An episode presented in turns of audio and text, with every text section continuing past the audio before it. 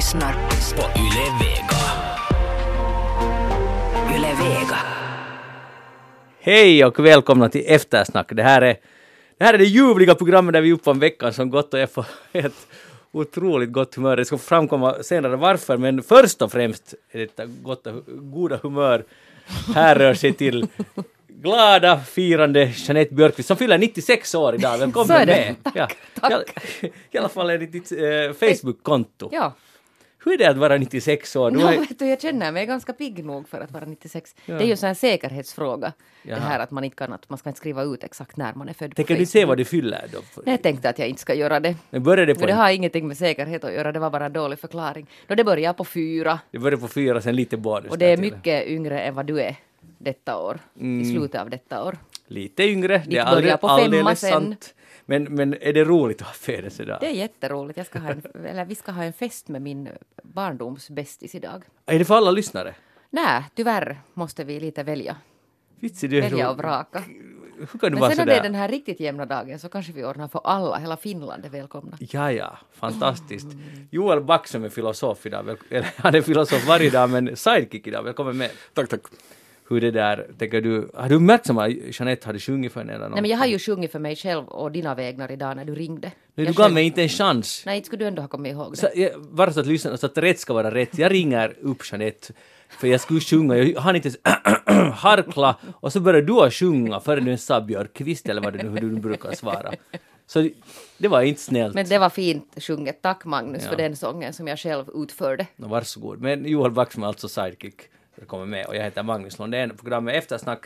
Vi ska tala om veckan som gått uh, som bekant. Och Jeanette, jag tänkte faktiskt tala om dig först för jag läste en artikel i Helsingin Sanomat uh, om Aulikki, 70 år gammal. Hon är alltså mycket yngre än du, en Ja. generation yngre än du. Men i alla fall, och här kommer det fram att mm, hon har flyttat från en lyxlägenhet, jag tror att det var i Kronohagen i Helsingfors, ut till landet i Helsingfors, Kallvik någonstans i östra Helsingfors. Och det, annars påminner det inte alls om det, men sen säger de att första citatet som de tar av henne, hon heter förresten inte Aulik utan det är ett pseudonym för att skydda hennes säkerhet. Jag vet inte va- riktigt varför, men i alla fall hon säger så här att om det är någonting jag ännu skulle vilja göra, göra i livet så det är att jag ska göra en sån här tillslag mot en pälsfarm. Men att knäna börjar lite vara i dåligt skick. Har du någon hälsning till Aulik? En senior revflicka. Ja.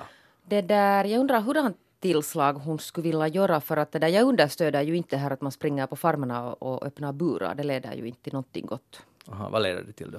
Och det leder till att sådana, sådana djur som alltså är som inte är vana att vara i naturen plötsligt rör sig ute i naturen. Så det, det är ingen god idé Mm. Så det är inte någon bra förslag alls? Nej, jag tycker inte. Man kan det där protestera på andra sätt. Nu, nu som är, när du har lite mer livserfarenhet än Aulik, så vad skulle du säga att hon borde göra? Om Så hon att nu vill, hon har sån här dragning till, hon skulle vilja göra Men någonting. så då, om hon har det där ont i knäna så kan hon ju, hon kan ju fast skriva lite e-post. Det kan man alltid göra. så förändrar man världen. Utmärkt. En som också vill förändra världen är, är ju, och jag ber om ursäkt och vi måste ta upp det igen med Paavo Väyrynen. Och han det där pressar riksdagen, han vill tillträda 12 juni. Har han nu meddelat, eller han meddelat tidigare och nu utreder man är det lagligt och kommer det att fixa sig. Och då under några dramatiska dagar här i republiken så kom det fram att regeringen tänkte försöka pressa igenom den här omröstningen om vårdreformen eh, och landskapsreformen innan han kommer. Men nu lyckas det inte, för nu säger social och hälsovårdsutskottet att de behöver tilläggstid två veckor, vilket betyder att Paavo Väyrynen, bara han nu blir godkänd in i vår riksdag igen, så får han rösta. Jeanette, vad innebär det här för Finlands politiska framtid? Jag tycker att det är underbart att de ger honom en så otroligt stor roll om det faktiskt är så att man har försökt pressa igenom den för Mm. att undvika alltså Paavo Väyrynen. Det, det måste ju vara någon slags fjäder i hatten för honom. Att han känner sig viktig. Joel, har du någon förhållande på det sättet? Blir du matt bara när man börjar tala om Paavo Väyrynen? Nej, han är ju en frisk fläkt. Frisk fläkt från det förgångna. Nej, men det där, men förstås den där sotereformen står ju nog och hänger, så det kan ju hänga, hänga nog på en person, så det förstår man ju. Men det är ju synd att det ska vara så, och att den pressas fortfarande igenom med sån uh, brådska. Men tänk Det är ju det vilken... viktigaste beslutet kanske i Finland ändå på, uh, på ganska länge. Ja, då ändå får man ju lite intryck att det känns som att det skulle vara ganska brådis och inte så hemskt Du, genom, du tycker det? Om man försöker pressa igenom den innan Paavo Väyrynen kommer så då känns det ju nog som att här är någon desperation. Ja, desperation är rätta ordet.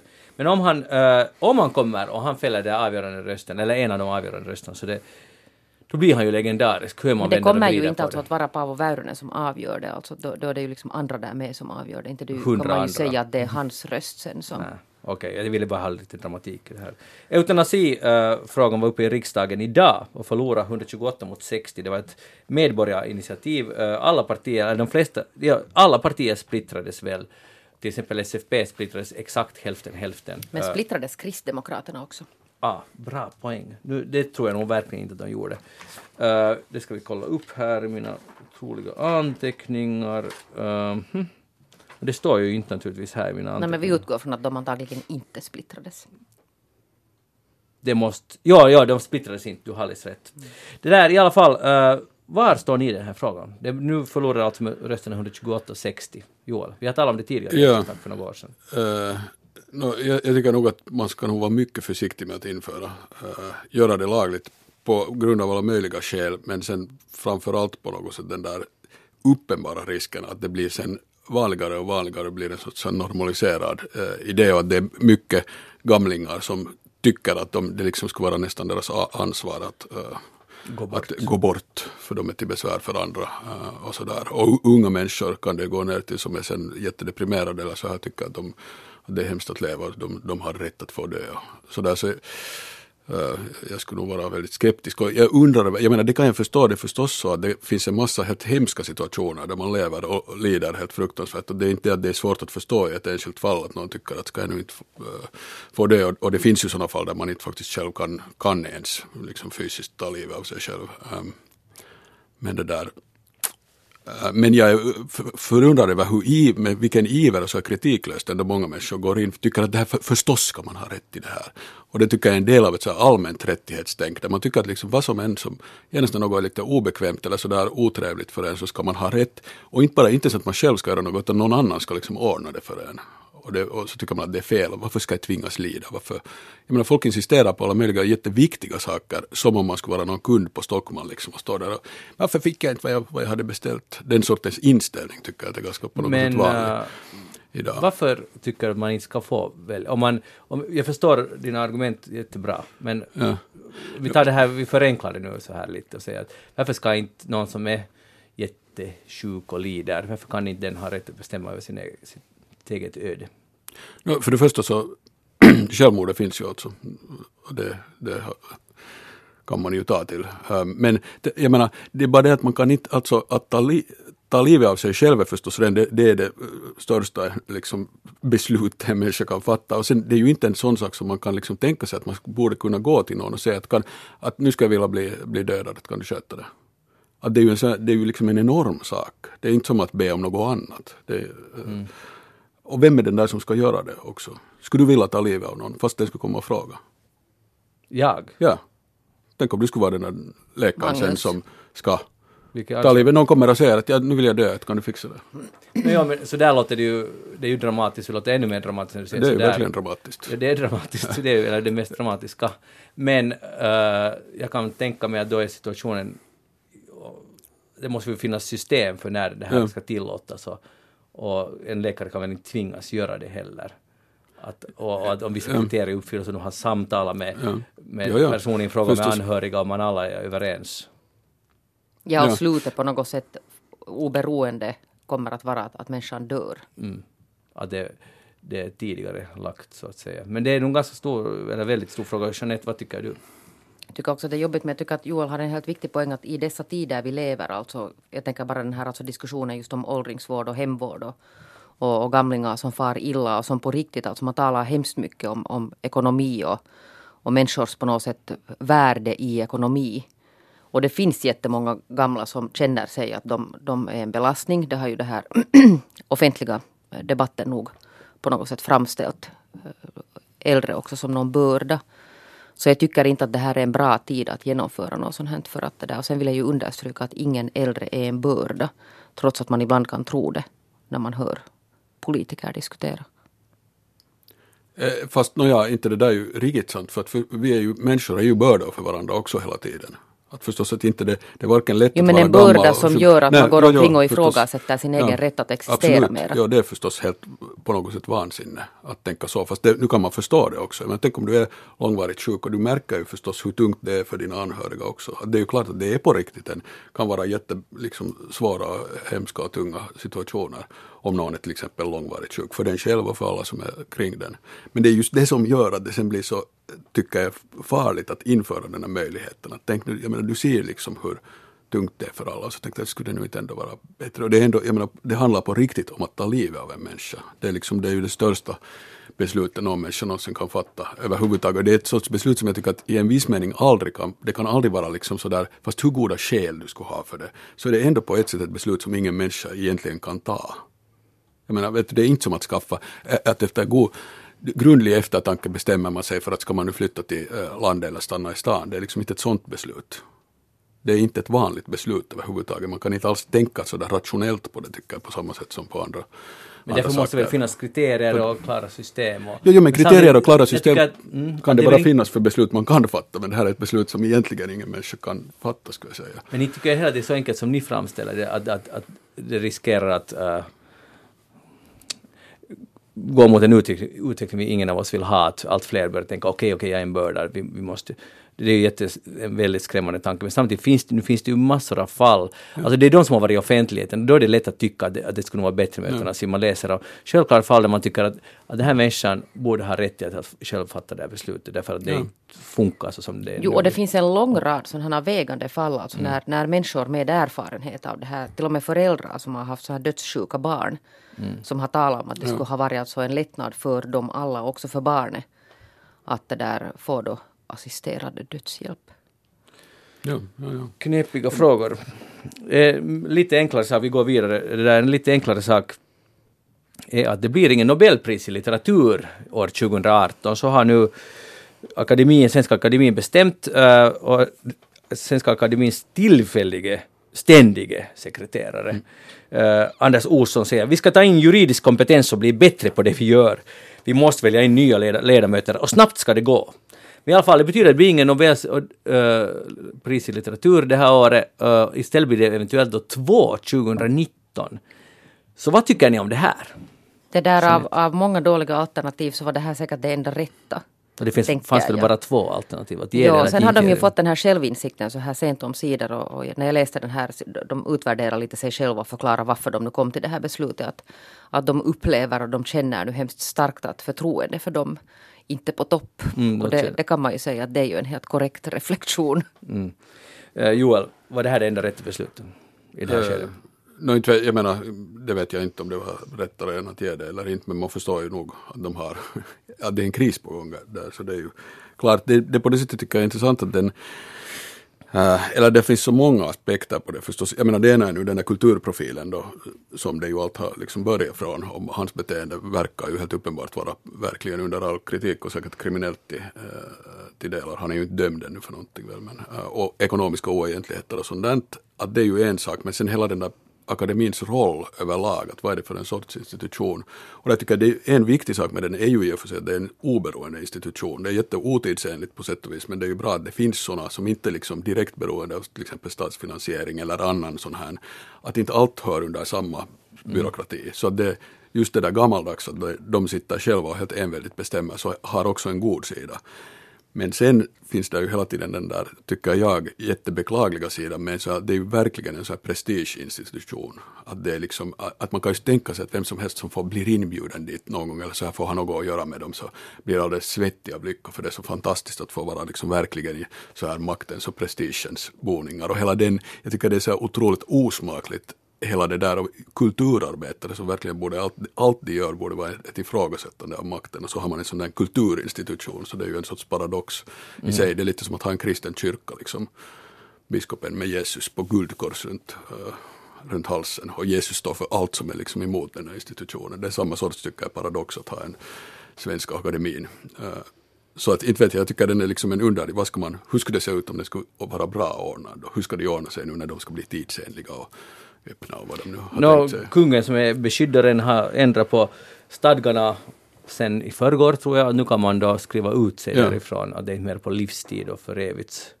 Eh, så, så, så tillvida hade någonting skett och nu ska de välja in nya, nya krafter, ska väljas in. Eh, det blir ganska intressant att se, men tänk Jeanette att allt, i, nu är det i förlängningen ett resultat av metoo-rörelsen det här. Alltså nu tycker jag man måste se det på det sättet. Ja men det måste man väl absolut. Ja. Och alltså, vem hade trott det? Alltså, enda, alltså, om man tänker hur, vilken, som Joel var inne på, vilken prestigefull institution det är och där, nu blir det ingen Nobelpris litteratur på grund av att det startade en metoo-kampanj. Att vilka effekter det har haft. Ja, och det var väl det där för väl att den startade, alltså gällande denna kulturprofil. Ja, verkligen. Och det som är eh, spännande att nu, är det, nu var det ju den här ve- veckans skandal för att kron, eh, kronprinsessan Victoria har också blivit eventuellt då eh, uh, utsatt för Jean-Claude Arnaults tafsande på rumpan hade det nu stått i tidningen i Svenska Dagbladet, därför, därför kan jag säga det också här. Och jag tänkte att hon måste ju vara en av Sveriges mest bevakade personer överhuvudtaget. Och ändå lyckades en tafsande hand nå fram där. Och det betyder ju att det finns ganska många andra som råkar ut som inte har det här beskyddet. Och det enda de gjorde var att de sa sen att, eh, om nu tidningsuppgifterna stämmer, att, att nästa gång så se till att de inte är i en rum. Och tänk att det inte, att man inte gjorde mera än det. Att, att det är ganska otroligt ändå att kronprinsessan... Han, ja, har han får fortsätta men se till att han inte är i en rum med Ja. kronprinsessan. Och tänk om, hur, om, man, om man skulle vara kronprinsessan Victoria, för hon kan ju inte heller liksom ge en örfil där på ort och ställe eller, eller bli jättearg för det skulle bli sån scen kring det. Att hon måste bara typ låtsas som att ingenting har hänt och sen bli någon livvakt eller någonting. Vilken liksom bisarr situation. Och vad rörde sig månne i herr Arnaults huvud? Det kan man ju också fundera på.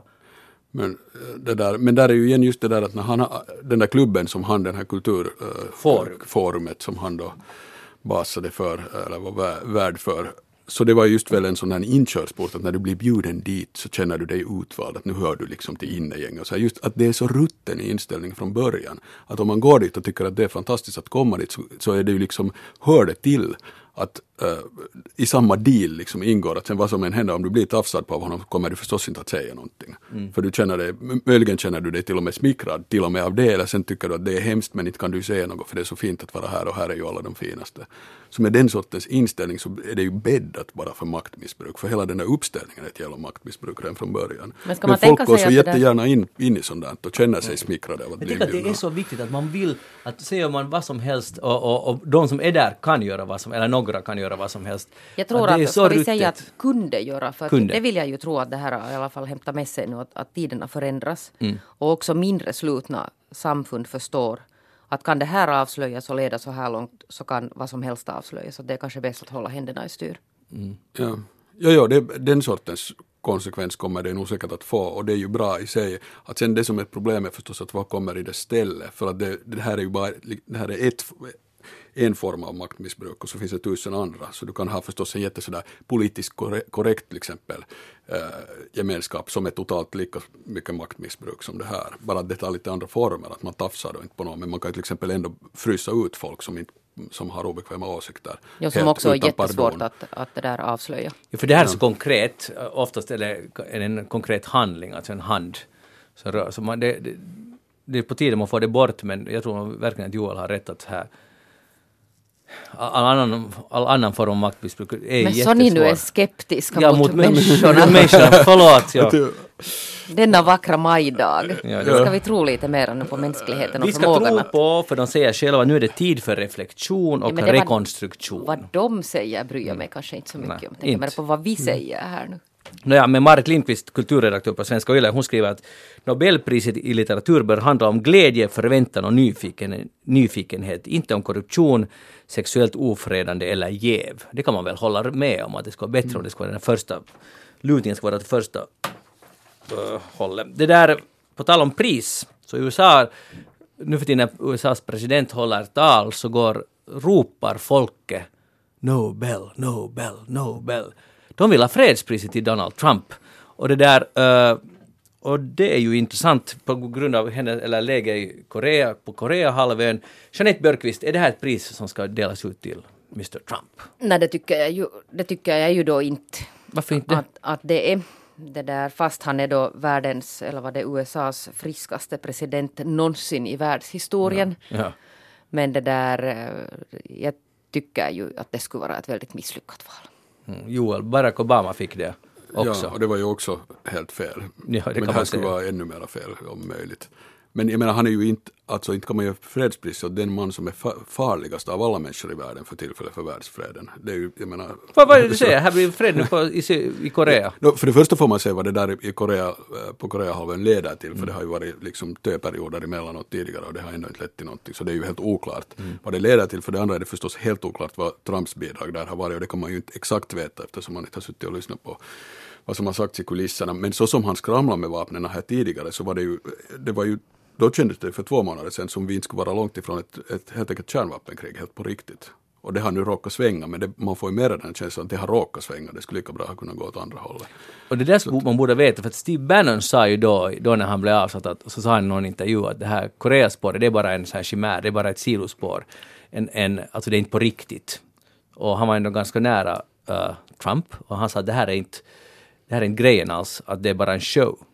Lite så antydde han. Och vad är riktiga grejen enligt? Det, det, ja, riktiga grejen är ju, no, det är deep state och så vidare, att man ska liksom motverka det federala USA och så vidare, men det är en annan sak. Men att, att det här är bara en sån här uh, sidoshow som vi inte egentligen borde bry oss om. Och, alltså på det sättet är det förstås eh, en sidoshow för att det har att göra med, eh, med USAs roll i liksom hela Asien och att hålla Kina omringat med eh, militär övermakt. Och där är ju liksom Korea är ju en knapp i det spelet. Det är ju inte Korea i sig som är viktigt, men det skulle ju inte ändå hindra att det sen kan eskalera och bli ett kärnvapenkrig som börjar med Korea mot, mot jänkarna. Det är ju, fast det skulle vara en sideshow, så man spelar med ganska riktiga kärnvapen där, tyvärr. Ja. Och, och min knapp är större än din som, som Trump sa då för några månader sedan. Ja, nu Om- plötsligt ska han Nobels pris, Ja. fredspris. Det är ganska intressant. Men, men här igen så det är ju det att tycker jag hela tiden med Trump att, han, att nu när man har en sån här galenpanna som han där i Vita huset så ser man ju också klarare just hela de här maktstrukturerna som fanns där också under Obama och alla tidigare presidenter, att där finns en människa som sitter med en knapp och han kan utan att någon kan egentligen formellt göra någonting emot det så kan han starta världens undergång om han vill. Ingen kan säga någonting emot honom. Det är hans liksom helt enkelt fullmakt som amerikansk president. Om några minuter så är världen slut. Jag menar att nu är det ju helt sjukt oavsett vem du har. Men skulle månne funka så, jag vet, den knappen, eh, att det funkar så här, eh, som du sa formellt, men om man skulle säga att nu, nu har jag fått nog, att vi let's nuke them, eh, till exempel Nordkorea, så skulle det faktiskt ske.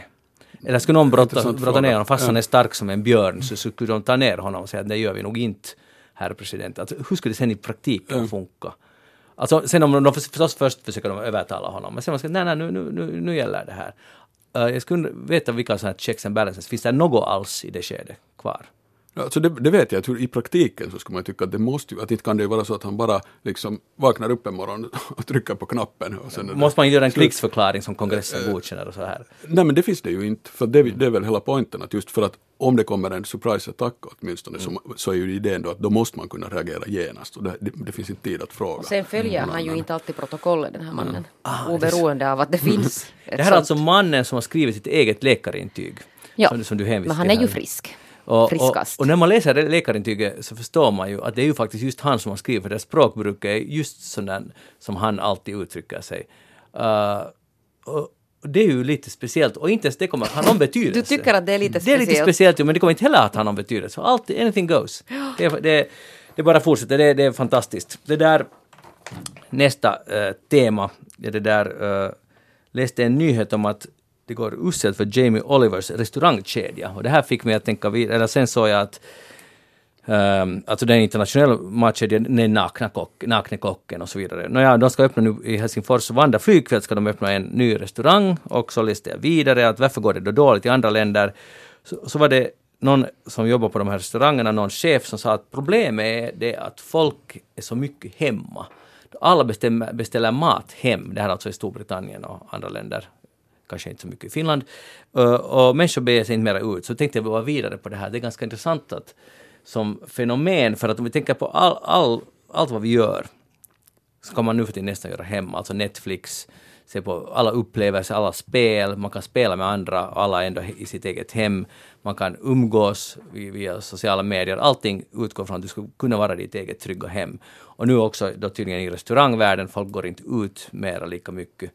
Så hur tror ni att det här påverkar i längden människors umgänge? Eller är det här bara uh, tillfälligt? Kommer det här att gå om? och vi vill igen ut och träffa människor. Jag vet vi har talat om det här tidigare, att det är roligare att träffas, men ändå är trenden, den ekonomiska trenden är sån här. Och alla har ett eget modem där alla har alla betalar en månadsavgift för otaliga olika Ja, tjänster kan för att kunna vara hemma. Ja, ja, och shoppa alltså allting hemma. Ja, inklusive shoppa. mat. Att man behöver inte ens gå i butiken om inte man vill. Att man kan ju leva helt isolerat. Mm. Bara man har en dator och ett bra bredband. Det, där, det här har ju inte kommit vad jag nu förstår så har det här inte ännu anlänt det här fenomenet i Finland. För att tvärtom så har det väl kommit någon slags liten uppgång att, att människor igen har börjat gå ut och äta. Jag undrar om är det bara i storstäderna, de många storstäder vi har i Finland, eller är det, eller är det på riktigt så att folk går mer ut? För nu klagar ju också krogarna på att folk kommer så sent, de kommer först klockan ett ut på krogen. Alltså, Men alla är det, här alltså först. helt, är det här alltså helt nu uppdaterad? Ja, och det, det var därför de ville ha den nya alkohollagen, för att göra, kunna ha happy hours, locka folk tidigare till restaurangen. Alltså nu till krogen, alltså baren och sådär. Men i alla fall, upplever du att det som ett problem att vi pantar, vi alla sitter där hemma med våra månadsavgifter och, och betalar för massa tjänster? Nå det där, jag börjar fundera att, att skulle det kunna vara så att det inte blir krig om ingen umgås med varandra, att man bara sitter där i sin egen bubbla. Men, men det kan hända att det inte ändå, Donald Trump kommer säkert ändå tyvärr och, och det där agera utåt. Jag tror att det blir bety- nu är risken högre för krig om inte man träffas. Ja, man sitter där, där i sitt eget hem och missförstår varandra. Ja. För det gör man ju också. Joel, Ja. hjälp oss.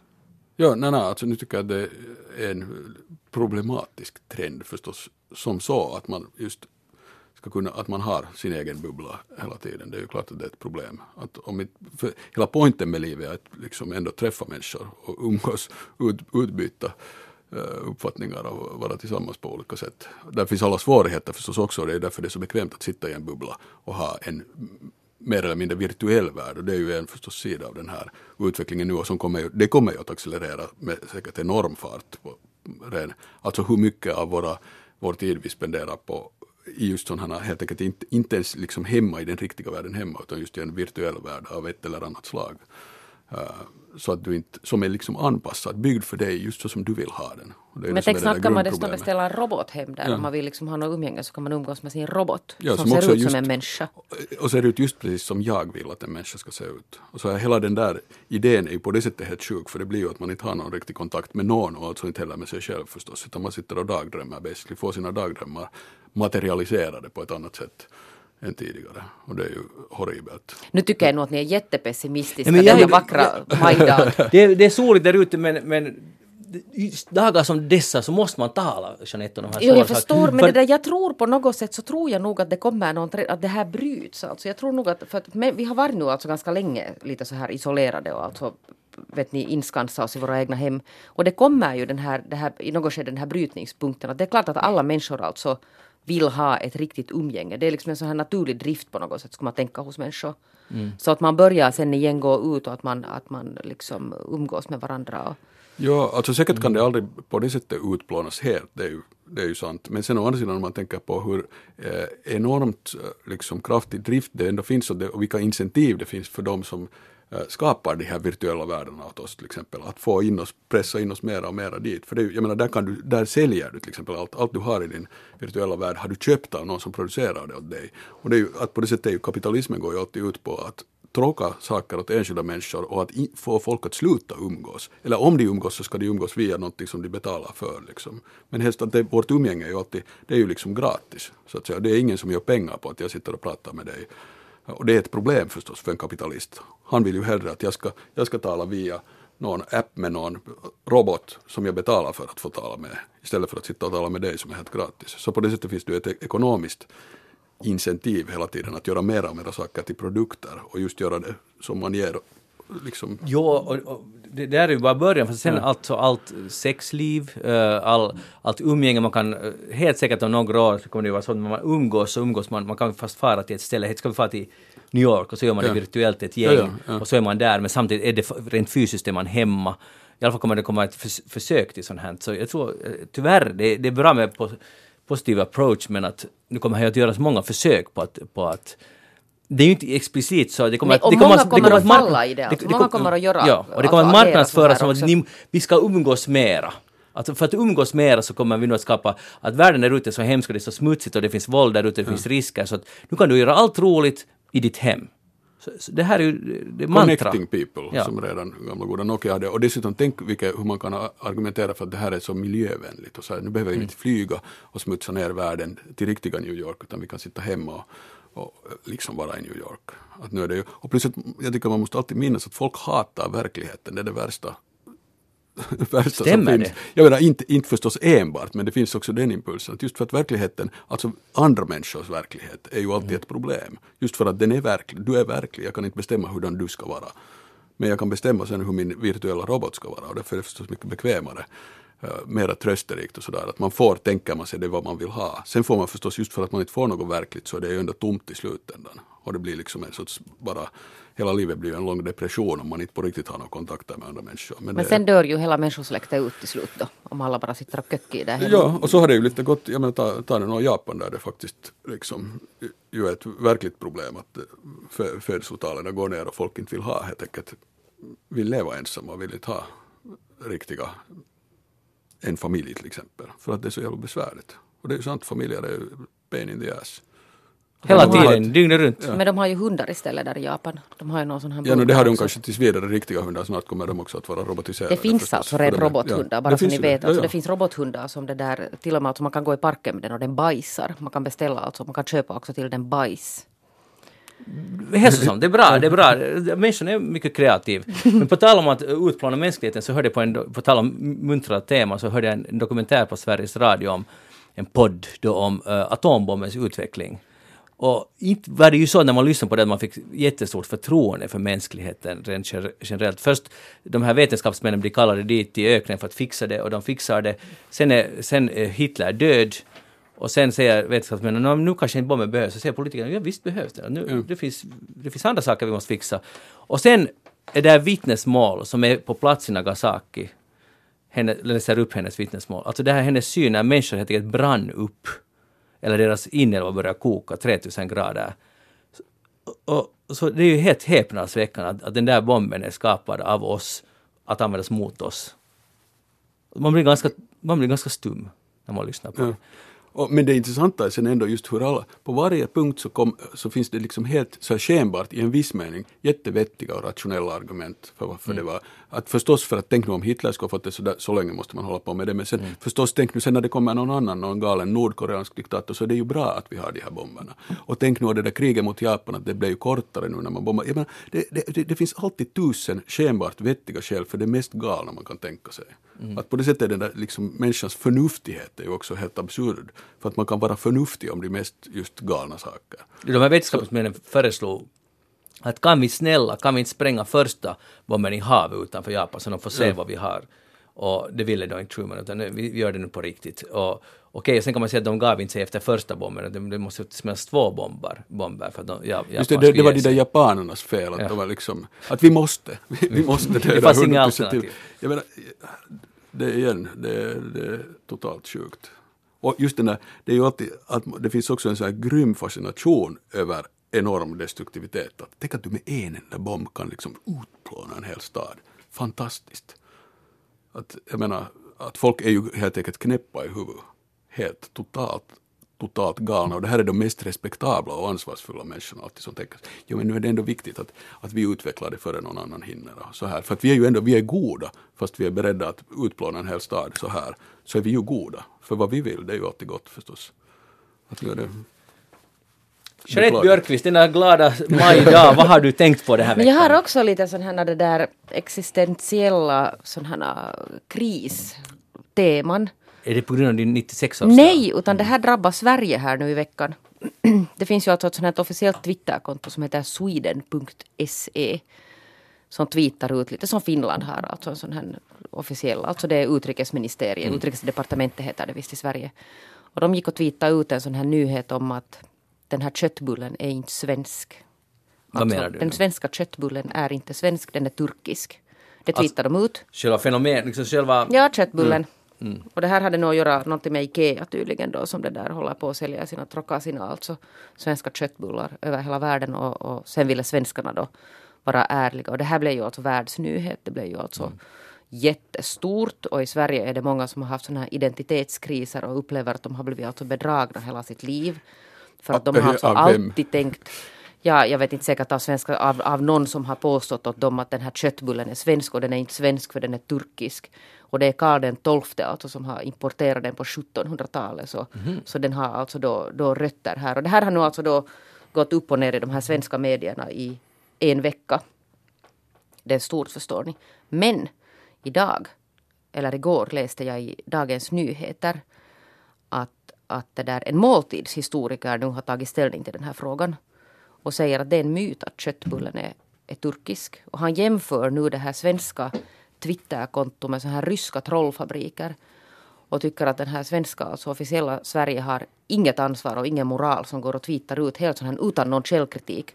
Att vad baserar sig det här på? Det är alltså en lång det där artikel och han är, han är, han är väldigt, alltså han ser, det är rätt så allvarligt detta som han säger, denna Rickard Tellström. Och det, där, det här tycker jag är jättefascinerande så där alltså helt ur mediasynvinkel också att, att så här kan man sen göra alltså ganska mycket. Men det är skrämmande Mycket hur material. moralen faller och faller allt djupare ner än man kan gå ut Ja, och det här är nu alltså en lång, lång, alltså ett långt resonemang om denna köttbulle.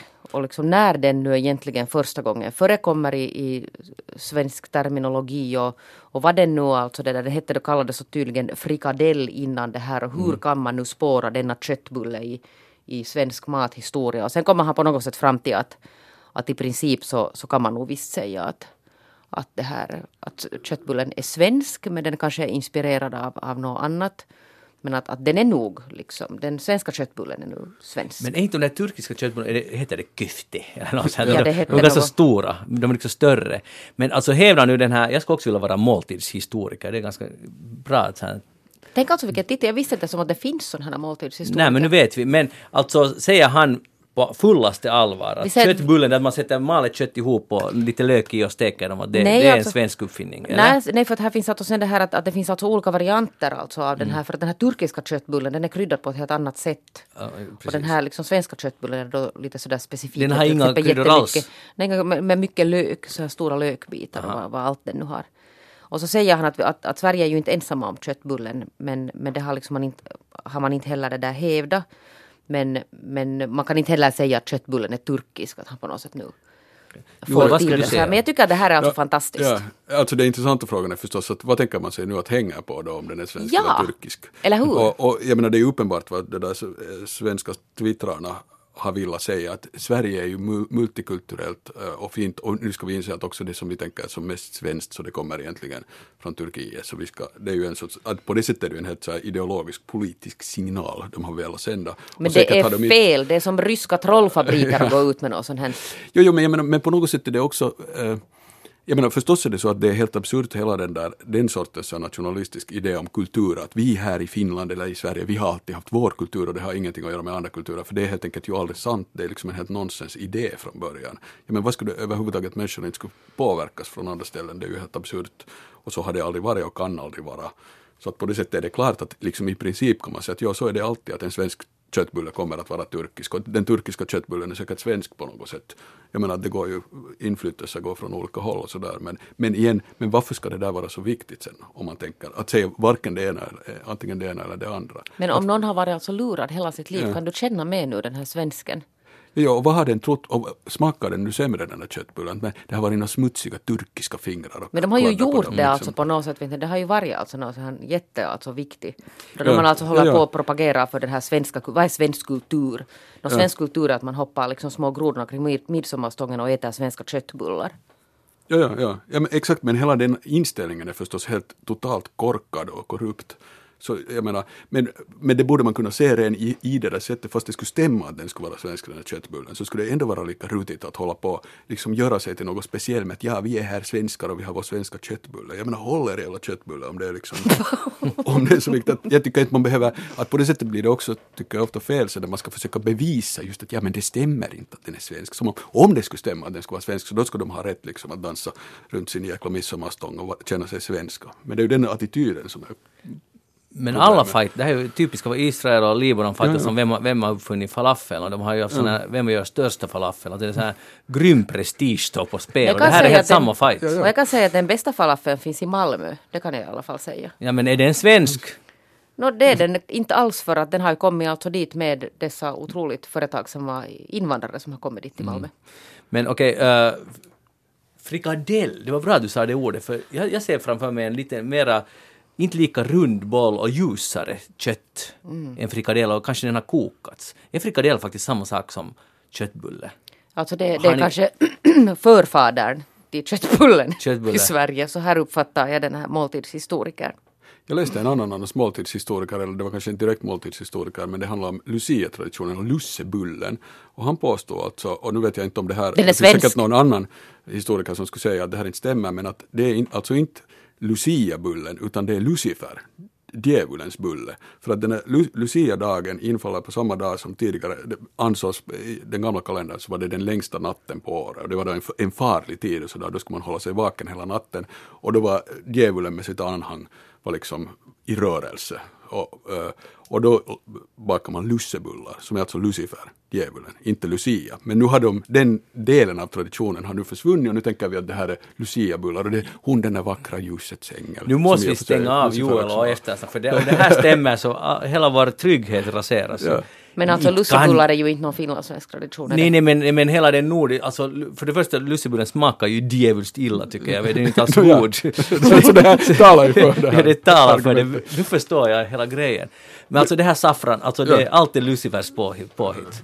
Så påstod den här ena, men, igen, men där är det viktiga att förstås alla traditioner är sådana att det finns tusen olika eh, element och strömmar liksom, som Mm. går in i dem och de kan ha betytt helt olika saker under tidernas gång. Och sen har det liksom, så det som vi har idag kommer från ställen som är helt liksom, annat än det som vi idag Och vad påpassligt då att jag har fått av mina föräldrar som har varit på kulturresa i Vitryssland så har de tagit med sig här eh, och till mig The Minsk Times. Eh, och här är någon eh, artikel, en intervju med president Lukasjenko som har varit på en kulturtillställning och han håller ett tal till ungdomen då. Till kulturungdomen säger så här att jag kan inte nog betona uh, vet du, förlåt. Jag kan inte nog betona hur viktigt det är att vi älskar, att man älskar sin egen nation. De som eh, ser sin inre skönhet är alltid lyckligast. På tal om kultur. Joel, har du någon kommentar till det här Lukasjenkos? Att man ska hitta sin inre köttbulle. Ja, precis. Dyrka den, det låter som en bra approach till livet. Det, det är väl det han säger egentligen. Ja. Men alltså i alla fall att kultur, det är precis samma sak som vi talar Kulturen är att det, det bottnar i det egna landet, egna nationen. Där är det styrkan. Men just detta land har ju också Ja. särskilt sådär lite hårdraget det här. Ja.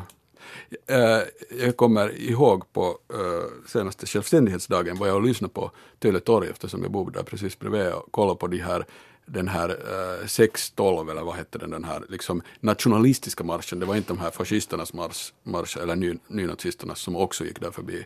Men där, den här festtalaren där, han bredde ut sig just i sån här eh, liksom klassisk nationalistisk anda om den finska nationen och hur det är förbundet med den finska naturen och det här ena språket, att vi alla är ett. Och så citerar han förstås byggde hela sitt tal kring citat av Runeberg, som förstås är skrivet på svenska men han citerade på finska. Ja. Att det var bara så bra illustration på hur otroligt korkat det är när man försöker, liksom, veva, försöker bevisa att vi har alltid varit ett. Och sen inte ens där så kan man liksom hålla borta den där andra, att här finns redan den där splitten mellan svenskt och finskt i Finland. Som de inte vet, alla deras nationalpoeter är ju svenskspråkiga. Vad ska de göra med det?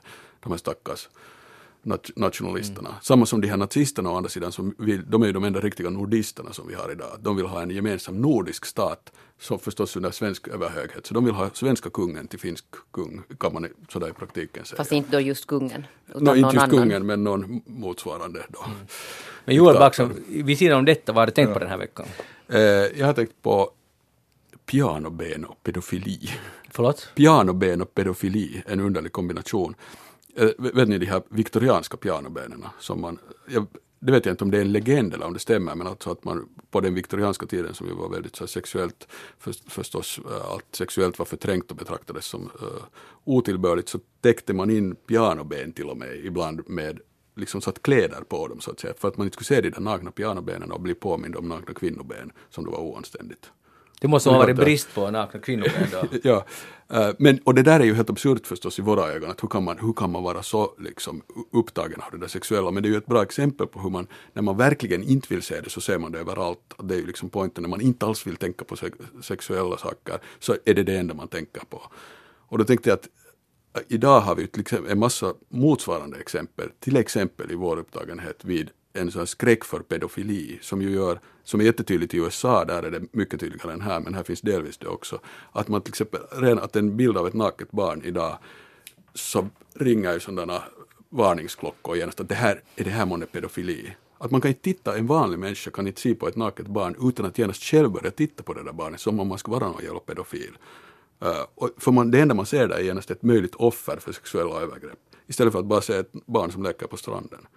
Uh, så poängen här är alltså bara att när man börjar kämpa mot vissa saker så betyder det på sätt och vis att de där sakerna redan har vunnit. Att man blir själv helt upptagen, börjar titta på alla barn som om man skulle vara pedofil. Hela vår kultur gör det på sätt och vis. Fast vi säger att vi är jätte, det som vi är mest rädda för är pedofiler, de, de ska inte få något utrymme. Så det betyder att vi alla själva börjar tänka som pedofiler. Fast Så- det där, ja. det där, den där USA, det är, alltså den där USA är ett, ett, ett märkligt land och det är ju många andra länder också där den här nakenheten alltså är så tabu. Ja, Eh, Men det sägs ju alltså Julia Korkman som är, som är, är hon docent tror jag i rättspsykologi så hon har ju sagt att Finland är på det sättet annorlunda för att vi har den här bastukulturen som Ja. alltså är jättehälsosam. Att det finns någon slags liksom sån här naturlig naken kultur som gör att, att, det, här, att det, det är svårare liksom för, för den här pedofilifobin som de har alltså faktiskt i USA eh, att slå rot i Finland. ja. Ja, ja, det är sant att vi har en bättre tradition och, det finns väl nu inget land där, de är, där man är lika sådär totalt upptagen av det där som i USA. Där är det ju helt, helt verkligen... Inte vet jag nog ju britter är ju inte heller så där Patologiskt, men- jättebra på det där. Men jag tänker alltså det där för att, för att vi har då rest ganska mycket, mycket det där utomlands. Och jag har ju alltid haft en sån här vana att, att, det där, att min dotter får byta. Alltså hon byter simpare. Hon liksom gick ganska länge nakupelle och, och simma och sen ville hon själv alltså börja ha simpare. Men hon, alltså hon har liksom, vi byter nu där att, att vi drar av den här och så är hon nakupelle en stund och klär på sig där. Och där man ser ju det är nordiska barn, alltså nordiska föräldrar som gör det här. Att man på något sätt lyckas. Och sen har vi då de här till exempel brittiska och från andra, andra länder som jätte, de är jättenoga med att täcka in det här. Att det här barnet ska alltså inte, barnets nakenhet ska inte exponeras åt någon, någon, någon annan. Vilket jag tycker att det, det är jätteintressant. Jag har tänkt många gånger på det här. Det är en otrolig ängslighet, men faktum är ju att vuxna, vi, vi, vi tycker att barnen ska kunna få vara nakna och, och, och det är naturligt och så vidare, men vuxna också i Finland, vi går i bastu, ja, det, det är helt sant, men annars är ju nakenhet som det hela tiden täcks över också hos vuxna. Att, att inte, inte räknar vi oss in vuxna till den här liberala, barnen ska kunna få vara nakna naturliga, men vi ska ju inte kunna vara Nu är det ju så att inte, inte sitter vi till exempel nakna här i studion. Eller vem vet? Vem vet? Vem, men Men det, är ju vet. inte, men det är ju inte det det handlar alltså om. Nej. Nej, eller är det? Jag menar, varför jag tycker alltså till exempel det här, så... så Men till exempel det här att man, för, för att jag har liksom funderat på det här att man börjar sexualisera barn jättetidigt. Mm. Alltså just att man ska klä på alltså bebisar och bikini. Dräkter. Det finns ju alltså bikini för bebisar. Alltså det är ju liksom hela det, det tankesättet. Jo men alltså, det, om, om, om man nu är naken, så det, det är ju en sexuell grej heller egentligen. Alltså, Nej, inte för oss är det Nej, alltså nej, inte egentligen också vuxna sexuellt. skulle inte måste, det skulle inte måste vara det de på något sätt skamligt eller konstigt. Egentligen, i en helt frigjord värld. Alltså jag säger inte att det är realistiskt, men jag säger bara att, att inte vi, inte vu- nudistvärlden, inte är vuxna heller sådär ohämmade och fria som vi nu, nordiska som vi påstår oss vara. För att, för att den här friheten gäller, vi tycker att barnen ska kunna få vara naturliga tills de kommer till puberteten, sen är det slut. Och, och, och vi absolut inte själva, det, gäller det, här, det här nakna idealet gäller ju inte alls oss vuxna. Nej, Nej, nej, precis. nej jag skulle aldrig i livet få för mig att själv byta kläder där. Nej. Exakt. Men mellan vuxna finns det förstås på ett annat sätt ett, äh, ett sånt här sexuellt spel, en laddning där, liksom potentiellt, det betyder inte att den alltid finns där, att det är det enda man går omkring och tänker på. Men det finns förstås helt enkelt den aspekten på ett annat sätt än mellan vuxna och barn, annat än om det just på riktigt handlar om pedofili, så då finns det ju en, eh, en liksom, så här, eh, mycket destruktiv sexuell laddning. Det här betyder ju annars inte heller förstås att barn ska vara helt totalt asexuella varelser, för det är de ju inte, menar, men, men deras relation till det sexuella är bara helt annorlunda än, än vuxna människors. Um, eller redan, jag menar, när de blir ungdomar så har de ju redan förstås, då kommer de ju in, det, det är ju vad det betyder att bli vuxen, att man börjar komma in i, bland annat att man kommer in i det här sexuella spelet mellan, mellan vuxna människor. Men bara, men poängen är bara att just att när man börjar, att om man hela tiden, om det är det där man ser när man tittar på ett barn, så då har ju liksom, då har man tillåtit pedofilin, den pedofilens blick att bli vår blick och ta över liksom hela kulturen. Så det är lite på samma sätt som med äh, kriget mot terrorismen, att om, man liksom, om det är det som man blir upptagen av så då har ju terroristerna vunnit, som man ofta har sagt, men det, bara, men det stämmer. Uh, eller om när du börjar liksom vara rätt jätterädd för tjuvar och låser dörren och sådär, så då har tjuven redan vunnit. Liksom, för du på något sätt tänker på allt i den där, som om du själv skulle vara en tjuv. Här är en öppen dörr, då ska jag gå in och ta någonting. Jo, jo, jag, jag kan bara hålla med. Alla, alla, alla de här exemplen, det är helt sant. Nu det frågan vad man ska göra, förutom att lämna dörren olåst. Och någon kan tycka att det är idioti. Att, att det är ju helt dumt. Och sen när tjuven Ja. kommer så där står du sen med, Ja.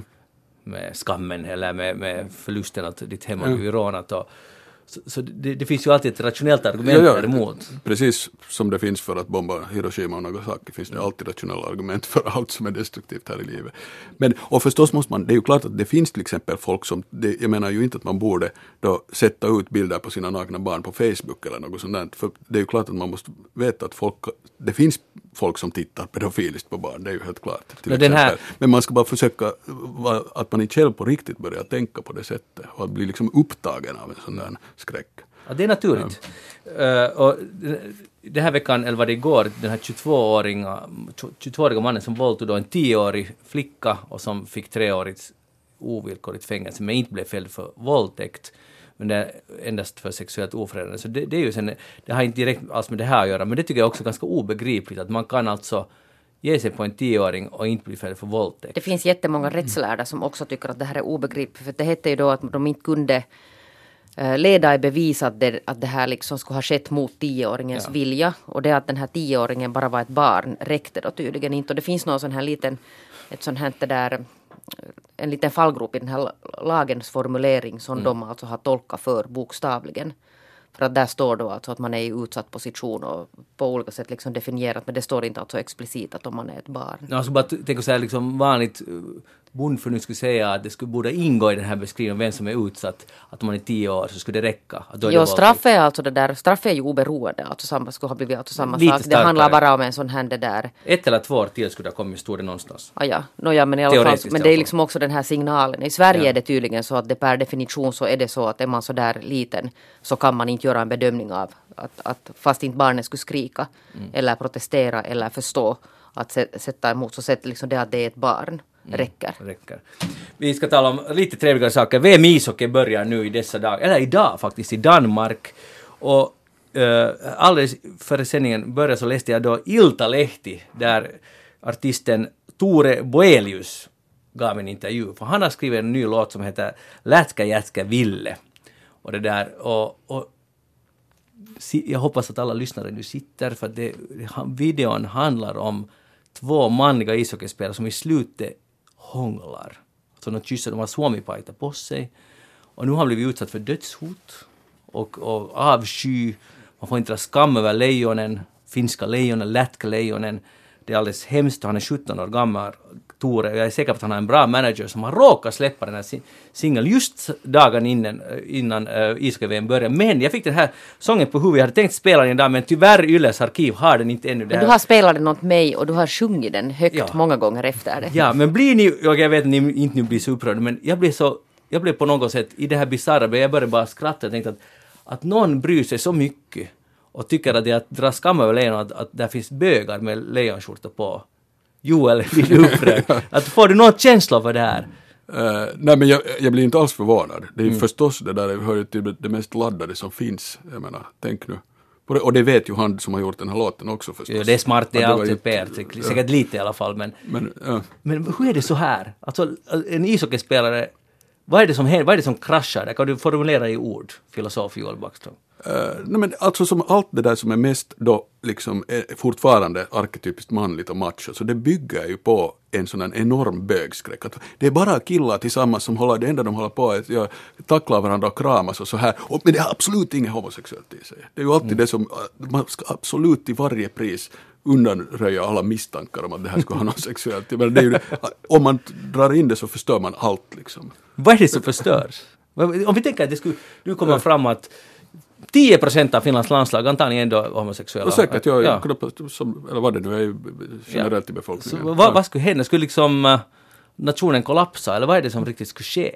Alltså det är, det är intressant för att man försöker upprätta, och, uh, Juhani, de, i den här tidningsartikeln så citerar de legenden Juhani Tammi Tamminen som jag, jag diggar faktiskt hans output, han är så underhållande varje gång, men han har då tydligen sagt vilket är inte så, så smart tycker jag, men att, att under sin långa karriär som tränare och ishockeyspelare har han aldrig sett en enda homosexuell i omklädningsrummet. Men hur ser han på dem? Det skulle jag inte. vilja ha velat att han lite det där utvecklar. Hur kan ett sånt här citat gå okritiskt igenom? Ja, men det är säkert sant för att tänk nu, jag menar om han säger sådär och hans attityd är den så det är ju helt säkert att ingen har nog visat någon homosexualitet i hans Men menar, hur visar man? Herregud, det syns ju inte. Det är ju liksom ingenting. Det, det, är men någonting han har som inte sett någon syns. stått och hångla i duschen. Men alltså på riktigt, det är 2018. Ja. Please. Men är det inte fantastiskt det här landet att en 17-åring gör den här bisin Och bli mordhotad. Ja, och sen vet jag inte hur allvarligt man nu ska ta det men, men i alla fall du mycket vad, jag skulle- negativ feedback Ja, har det och jag kommit. skulle ta det där, jag skulle ta det där antagligen ganska på allvar. Jag kan precis tänka mig vilka känslor som har gått igång här och vad det är för människor som har fått igång det här.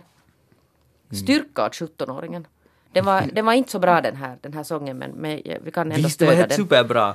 Lätka, ätka, ville. Och, och, Du borde ju sjunga lite nu Magnus. Men jag, jag tänker att de, de där, där i slutet så det, liksom, det blir klimax där i slutet, han är där i omklädningsrummet så kommer det en kille med stora biceps. Är är biceps det här man har på armarna? Ja. Va? Va? Va? Är det så?